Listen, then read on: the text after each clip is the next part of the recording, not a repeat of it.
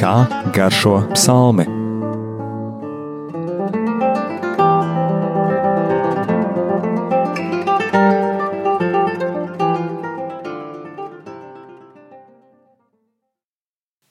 Slavēts Jēzus Kristus. Mūžīgi mūžos slavēts. Studijā Stela un Anģela.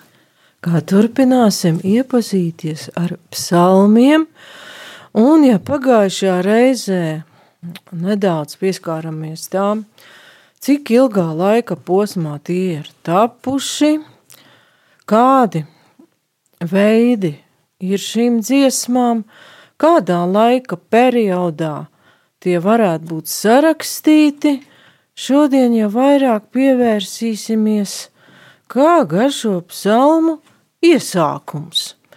Iepriekš jau minēju iepriekšējā raidījumā, ka psalmi sadalīti piecās grāmatās, kas veido tādu paralēlu struktūru ar Toru, jeb ja pamatlikumu, vai piecām mūzus grāmatām, kā teiktu brāļi protestanti.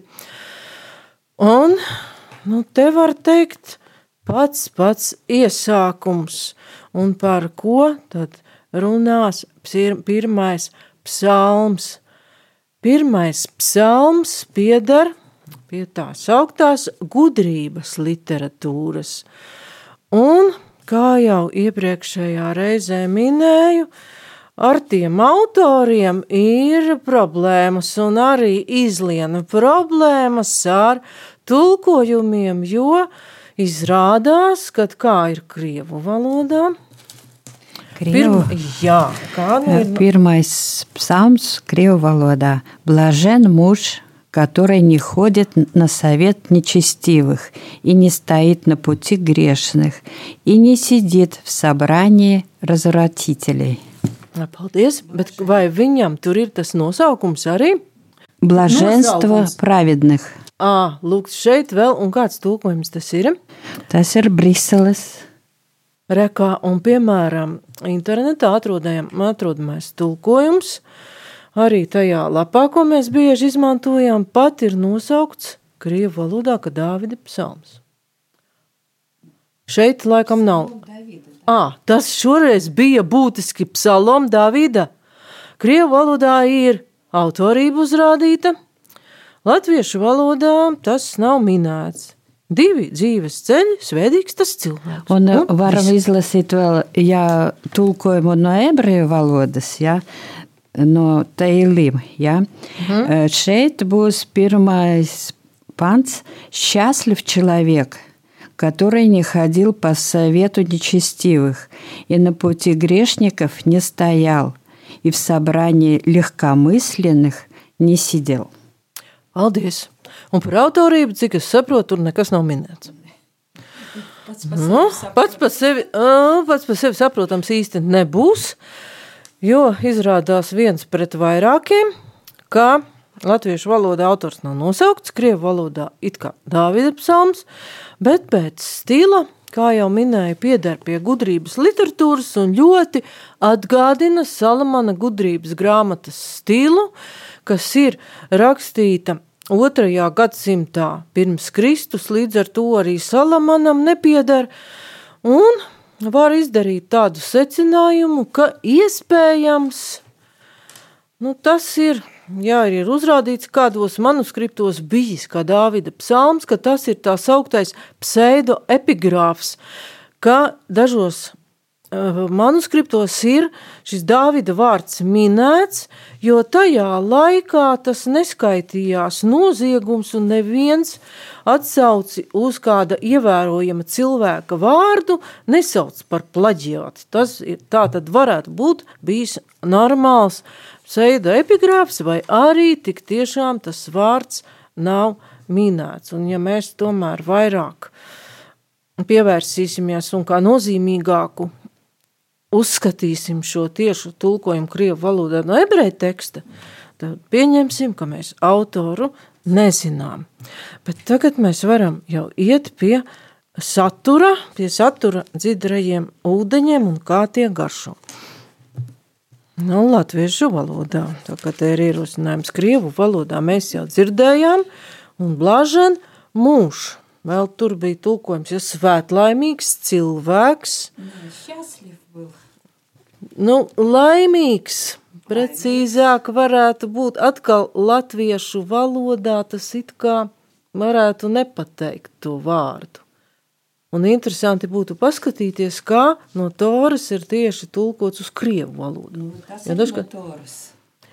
Jo, nu, šķastļi. Ah, jau, jā, tas ah, jā, jā, nu tur ir teikts laimīgs, bet tur ir jautājums, kā to saprast.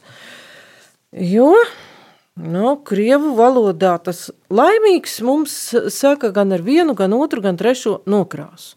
Sakot, ir laimīgs cilvēks, kas ir saticis Dievu, latviešu valodā saka laimīgs.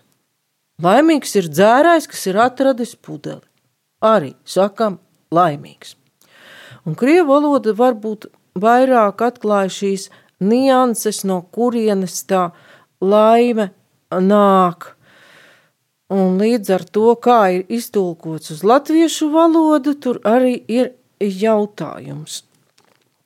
Un latviešu valodā 1965. gada tulkojumā atrisināts ir pavisam vienkārši svētīgs tas cilvēks, kas nesako bezdievīgo padomam. Nec staigā grēcinieku ceļus, nec arī sēž paļātāju pulkā. Nu, Krievu valodā ir teikts spēcīgāk. Savieta Razvratņikov, nu tas ir tāda, var teikt, izvirtuļu kompānija, Nu, ļoti tā teikts. Ir arī lietots vārds ņešķes, ņešķes, ne, ņešķestīvi, ja tas ir bezgodīgs, negodīgs cilvēks bez goda. Nu šeit latviešu valodai teikts tā mīkstāk. Un kā tad tulkojumi mēģina tulkotāji interpreti to saprast? Nu, tas laimīgais vēl ar kaut ko arī savienojas, un varbūt pats krievu vārds blaženī labāk pat pasaka.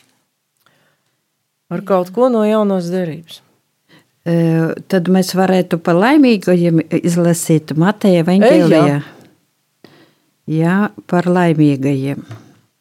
Tā ir kalna runa, jā. E, Treš, no 3. panta līdz 12. Laimīgi garā nabagie, jo viņiem pieder debesu valstība. Laimīgi apbēdinātie, jo viņas mierinās. Laimīgi lēnprātīgi, jo viņi mantos zemi. Laimīgi izsalkušie un izslāpušie pēc taisnības, jo Dievs viņiem pap, papilnam to dos. Laimīgi žēlsirdīgi, jo Dievs būs viņiem žēlsirdīgs. Laimīgi sirdsšķīstie, jo viņi Dievu redzēs. Laimīgi miera nesēji, jo viņi tiks saukti par dievu bērniem. Laimīgi taisnības dēļ vajātie, jo viņiem pieder debesu valstība. Laimīgi jūs esat, ja jūs manis dēļ lamās un vajās, un runās visu ļaunu par jums. Priecājieties un gavilējiet, jūsu alga ir liela debesīs. Tāpat tie vajā arī praviešus, kas bija pirms jums. Paldies! Šeit lietots vārds laimīgi, bet šīs kalna svētības īsais variants ir arī Lūkas evaņģēlijā. Un latviešu tulkojumā tur ir atkal savādāk. Un jāpiebilst, ka Lūkas evaņģēlijs vairāk tiek, Lūkas evaņģēlijs vairāk pat akcentē tādu reālo pieticību, nabadzību. Jo Mateja evaņģēlijas runā par garā nabagiem. Bet ko tad ir sarakstījis Lūkas un kā viņš to visu domā, kā viņš to pierakstīs? Lūkas evaņģēlijas sestā nodaļa no 20. panta, bet viņš pacēlis acis uz saviem mācekļiem sacīja, Svētīgi jūs nabagi, jo jums piedara Dievu valstība. Svētīgi jūs, kas tagad izsalkuši, jo jūs būsiet pēduši. Svētīgi jūs, kas tagad raudat, jo jūs smiesieties. Svētīgi jūs esat, kad cilvēki jūs nīst, izslēdz no sava vidus, lamā un zaimo jūsu vārdu cilvēka dēla dēļ. Priecājieties viņā dienā un dejiet, jo jūsu alga ir liela debesīs, jo to pašu viņa tēvi ir darījuši praviešiem. Nu, un Lūkas tomēr pievieno dažus pantus, kas ir kā apgrieztais paralēlisms. Viņš runā arī par tiem, kas patreiz mums liekas tādi apskau, apskaušanas vērti, bet vai jums bagātiem, jo jums jau ir sava alga. Vai jums, kas tagad esat pēduši, jo jūs izsalksit? Vai jums, kas tagad smejaties, jo jūs skumsit un raudāsit? Vai jums, kad visi ļaudis jums teica glaimus, to pašu viņa tēvi darījuši viltus praviešiem? Un Lūkas, var teikt, te arī ir ielicis tādu norādījumu, nav tieši tekstā pateikt, teksts, ka tur ir tā divu ceļu izvēle, bet Lūkas runā par šo divu ceļu gājējiem, līdz ar to runā tieši par to pašu, par ko runā pirmā psalma autors, jo tur arī ir piedāvāta šī iespēja iet labu ceļu, apcerēt kunga likumu, un sēdēt tajā bezdievju padomē, jeb ņečes ķīvī, varētu teikt tādā negodprātīgu cilvēku un izvirtuļu padomē, jo tas paradoxālākais ir tas, ka cilvēks var būt pat reliģios, iet uz baznīcu un vienlaicīgi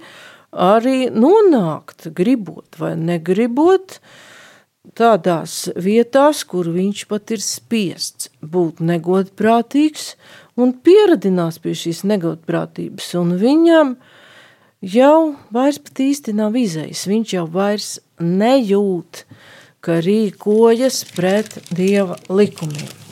Nu, arī varētu pa laimīgiem arī izlasīt eh, atklāsmes grāmatā septītajā nodaļā Pēc tam es ieraudzīju un redzēju liels pūlis, ka nesaskaitīt no visām tautām un ciltīm un ļaudīm un valodām, kas baltos tērpos un palmu zariem rokās stāv troņi un jēra priekšā. Viņi sauc skaļā balsī. Pestīšana pieder mūsu dievam, kas sēž tronī un jēram, un visi eņģeļi bija nostājušies ap troni un vecajiem un četrām dzīvām būtnēm, un tad viņi krita uz sava vārda vaiga troņa priekšā un pielūdza Dievu sacīdām: Āmen! Cildinājums, slava un gudrība, pateicība, gods, varenība un spēks mūsu Dieva mūžu mūžos. Āmen! Tad viens no vecajiem sācies šie baltos terpos. Kas tad viņi ir un no kurienes nākuši?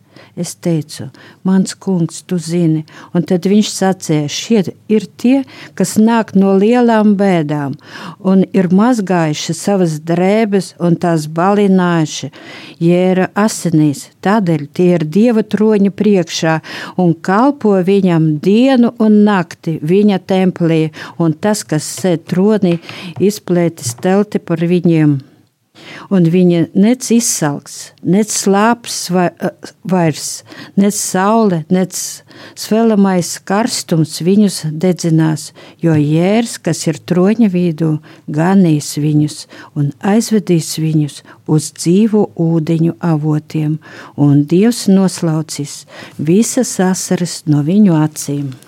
Paldies! Tad šeit atklāsums grāmatā var saprast, ka runāts tieši par tiem cilvēkiem, kuriem runā Jēzus, Kalna runā un arī runā Lūkas evaņģēlijā, kuriem nekā nav, kuri ir vajāti un lamāti.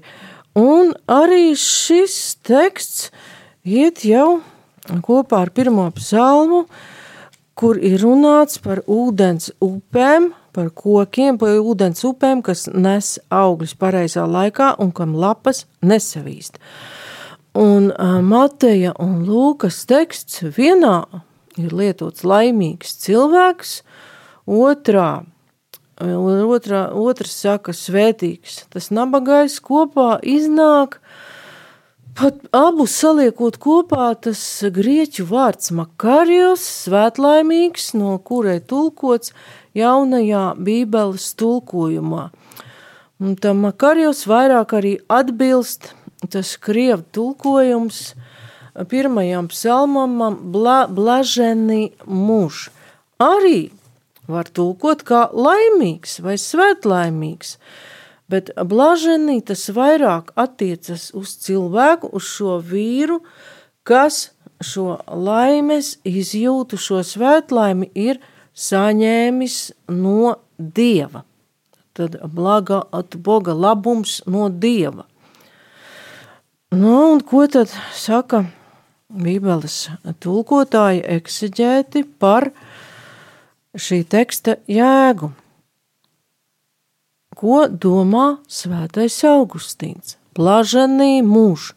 Nu, Krievu valodā saprotam, ka tur runa ir par svētlaimīgu nu, vīrieti, vīru, un svētais Augustīns vispirms šo psalmu attiecina uz pašu Jēzu Kristu, ka viņš pirmām kārtām ir tas, kurš neiet šos pasaules ceļus un nepiebiedurojas tiem, kas iet tādus ceļus un ir tādās vietās, kas nav savietojamas ar kunga likumu.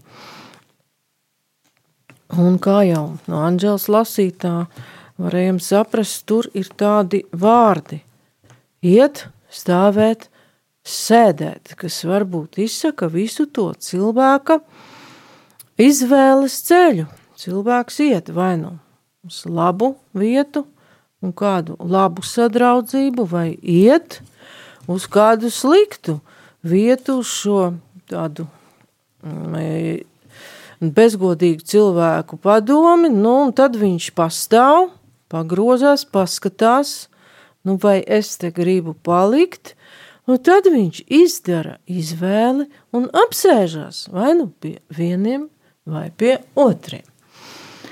Nu jā, un tā kā mēs tiekam aicināti sekot Kristum, jā, mēs varam arī izlasīt iekaba vēstulē, otrajā nodaļā.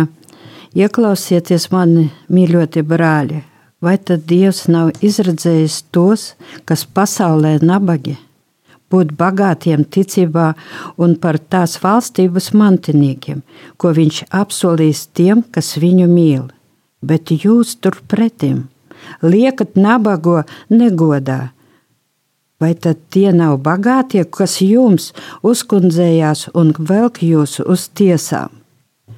Vai tieši viņi nav tie, kas zaimo kunga labo vārdu, kādā sauc arī jūs. Paldies!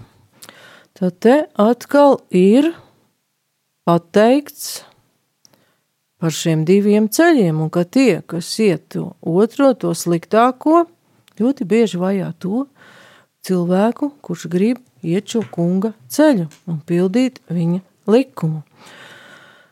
Un arī psalms runā par to, kas notiks ar šiem ņečesķivi cilvēks, nu bezdievīgais, tas it kā pateikts maigāk.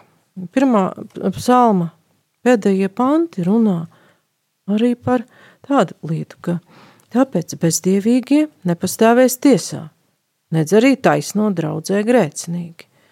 Jo tas kungs pazīst taisno ceļu, bet bezdievīgo ceļš ved uz postu. Un krievu tulkojumā laikam ir puķis Ničes civih, kā tur ir. Otrais, ja? Beigās, piektais. Собрание развратителей. Пятый? Пятый панц, он шестой. Потому не устоят нечестивые на суде и грешники в собрании праведных. Он, он, он, он, он, но ebreju valodas Крievu valodā. Поэтому не устоят нечестивые на суде и грешники в общине праведников. Paldies! Tad te ir jau, ka bezgodīgais, ka viņš ir bezgodīgs, viņš nepastāvēs tiesā. Tur var saprast, tā ir kunga tiesa, un tas ir paša dieva vērtējums.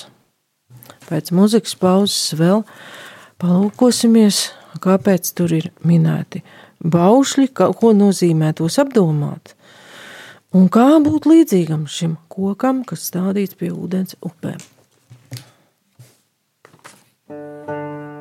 Thank you.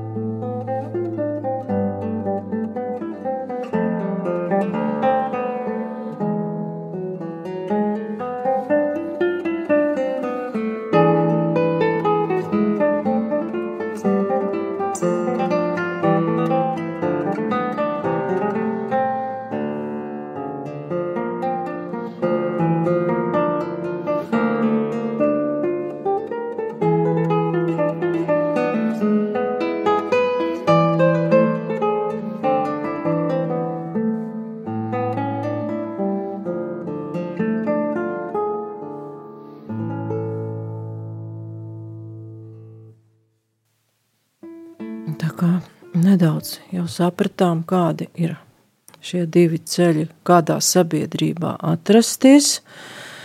Vidū nostājas trešais pants pirmajam psalmam, un sākas jau tas viss ar otro pantu. Kā tad iet uz šo dzīvības ceļu? Bet kam prāts saistās pie tā kunga baušļiem, un kas dienām un naktīm domā par viņa bauslību? Tāds ir līdzīgs kokam, kas stādīts pie ūdens upēm, kas savus augļus nes pareizā laikā, un kam lapas nesavīsts. Viss, ko viņš dara, tam labi izdodas. Ne tādi ir bezdievīgie, tīri kā pelavs, ko vējš aizpūš projām. Un te arī viss, ko viņš labi, dara, tam labi izdodas, liekas it kā nesavietojami ar to nabadzību un arī to vajāšanu. Bet, ja mēs vairāk arī skatītos atklāsmes grāmatas tekstus, redzētu, ka Dievs apsola pat savu pasargāšanu un savu klātbūtni tiem, kam neklājas pārāk labi. Un Anģeli jau nolasīja šo tekstu, kā ir laiku beigās, ka tiem cilvēkiem, kas ir palikuši pie dieva likuma, viss ir labi izdevies. Viņi ir pie jēra, droņa, viņi ir dieva klātbūtnē. Un arī varam lasīt Jāņa evangelija. Es esmu labais gans, un es pazīstu savas savis, un avis pazīstu mani. Un mana savis klausās manā balsī, tās, paz, tās pazīstu, un viņas man seko. Jāņa evangelija, tas ir desmitais pants, Paldies! Desmitā nodaļa, pāns mm -hmm. 14. un 27. Un no šī nolasītā teksta mēs varam saprast, kā cilvēks var dzirdēt un dzīvot bauslību. Jo ar bauslību vēl ir tās, kā Pāvils pirmajā vēstulē Timotejam 1.9 raksta, ka bauslība ir domāta grēciniekiem. Viņa uzrāda visus tos grēkus.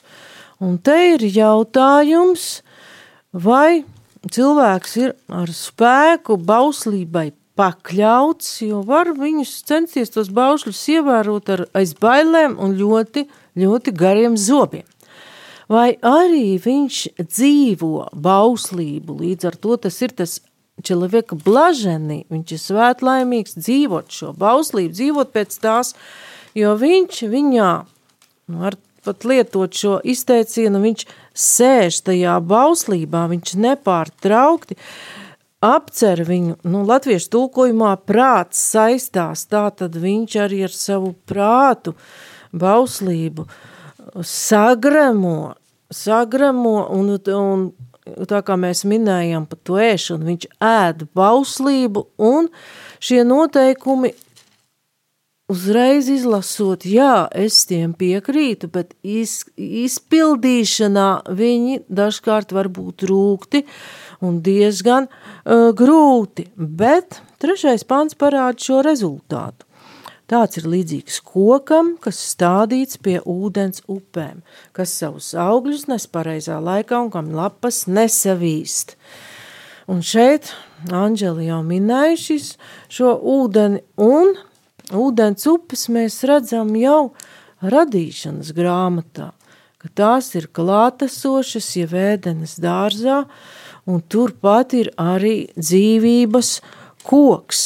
Un te arī runāts par cilvēku, kas līdzīgi kokam, kas ir pie ūdens upēm, tātad viņš visu laiku uzņem valgmi, un tāpēc, ka viņš uzņem šo likuma valgmi, viņa lapas, tas, ko viņš dara, ir paliekošas, tās nesavīst.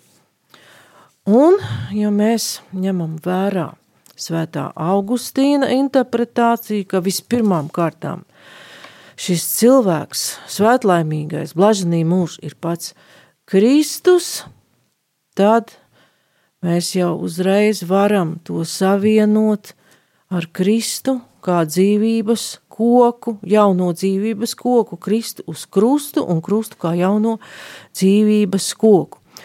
Un līdz ar to varētu likties, nu kā tad īsti ir tas blaženī mūžs, citur tulkots vienkārši cilvēks, tā tad var būt gan vīrietis un sieviete. Vai tad parasts cilvēks nevar kļūt par šo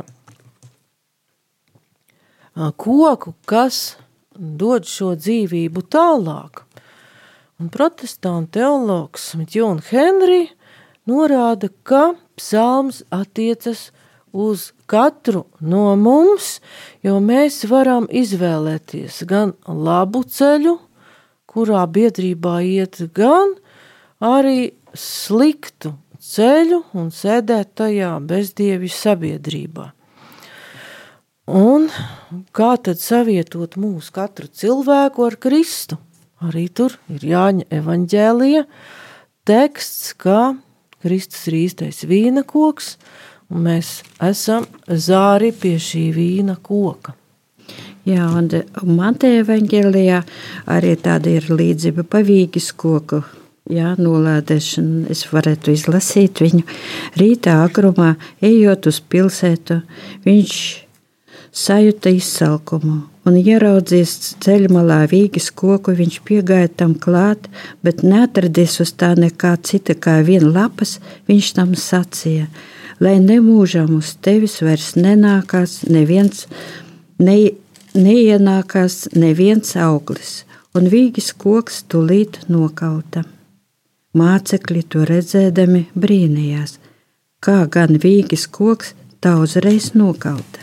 Jēzum Tiem atbildēja: Patiesi es jums saku, Jēzus tiem atbildēja: Patiesi es jums saku, ja jums būtu ticība un jūs nešaubītos, tad jūs nevien tā varētu darīt ar vīgis koku, bet jūs varētu sacīt šim kalnam: Cēlies un meties jūrā, un tas notiktu. Visu, ko viens savās lūkšanās jūs ticībā lūksiet, jūs saņemsiet. Arī par to, kā mēs varētu nest arī augļus savus, jā, savā kalpošanā, ticībā, lūkšanā. Un vēl vispilnīgāk to paskaidro šo psalma, pirmā psalma centrālo pantu, pats Jēzus Jāņa evaņģēlijā, 4. nodaļā, kur ir notikums ar samariešu sievieti. 14. pants, bet kas dzers no tā ūdens, ko es tam došu? Tam ne mūžam vairs neslāps, bet ūdens, ko es tam došu, kļūs viņā par ūdens avotu, kas vard mūžīgai dzīvībai. Tātad viņā pašā, šajā cilvēkā, kas dzer no Kristus rokas šo dzīvo ūdeni, tas kļūst par dzīvā ūdens straumi priekš citiem. Un par to, kā šis dzīvības koks jau ir visā pilnībā, mēs varam lasīt Jāņa atklāsmes grāmatas jau pašā Noslēgumā 22. nodaļa viņš man rādīja dzīvības ūdens upi. Tā bija skaidra kā kristāls un iztecēja no dieva un jēra goda krēsla. Viņas ielas vidū un upē abās pusēs bija dzīvības koks. Tas nesa augļus 12 reizes, katru mēnesi savu augli, un viņa lapas bija tautām par dziedināšanu. Tur jau ir šī atjaunotā radība, un dzīvības koks nav tieši tekstā saistīts ar katru cilvēku kā dzīvības koku, bet izvēloties šo labo ceļu, arī pirmais psalms aicina cilvēku kļūt par šo dzīvības koku vai dzīvā ūdens straumi priekš cita. Un ja viņš saņem šo dzīvo ūdeni no tā troņa pakājas, kas iziet no, tā, e, no jēra troņa, tad arī viņa darbi būs paliekoši un viņa lapas nesavītīs. Un arī varam pieskarties vēl tam Un lielākajam bauslim, jā, mēs runājam ar, par to, ka katrs laimīgs vai svetlaimīgs cilvēks nu, arī dzīvo pēc bauslības, pat dievu bauslības. Un, uh, Mateja evanģēlē mēs varam lasīt. Tad viens no uh, tas ir 22. nodaļā 35. pantā, tad viens no viņiem likuma zinātais Jēzu izaicinājums, izaicinādams jautāja, skolotājs, kurš ir pats nozīmīgākais bauslis bauslībā? Jēzus atbildēja: Mīli kungu, savu dievu, ar visu savu sirdi, ar visu savu dvēseli un visu savu prātu. Šis ir pats lielākais un pirmais bauslis, bet otrs ir tam līdzīgs. Mīli savu tuvāko, kā sevi pašu. Šie divi baušļi ir pamatā visai bauslībai un praviešu mācībai. Paldies! Tad šeit mūsu raidījuma noslēgumā Anģelīna no, no, no nolasīs visu šo baušļu kopsavilkumu, kuru tad šis svētīgais, svētlaimīgais cilvēks apcer, lai kļūtu līdzīgāks Dievam un darītu viņa darbus. Paldies par uzmanību. Studijā bija Stela un Anžela.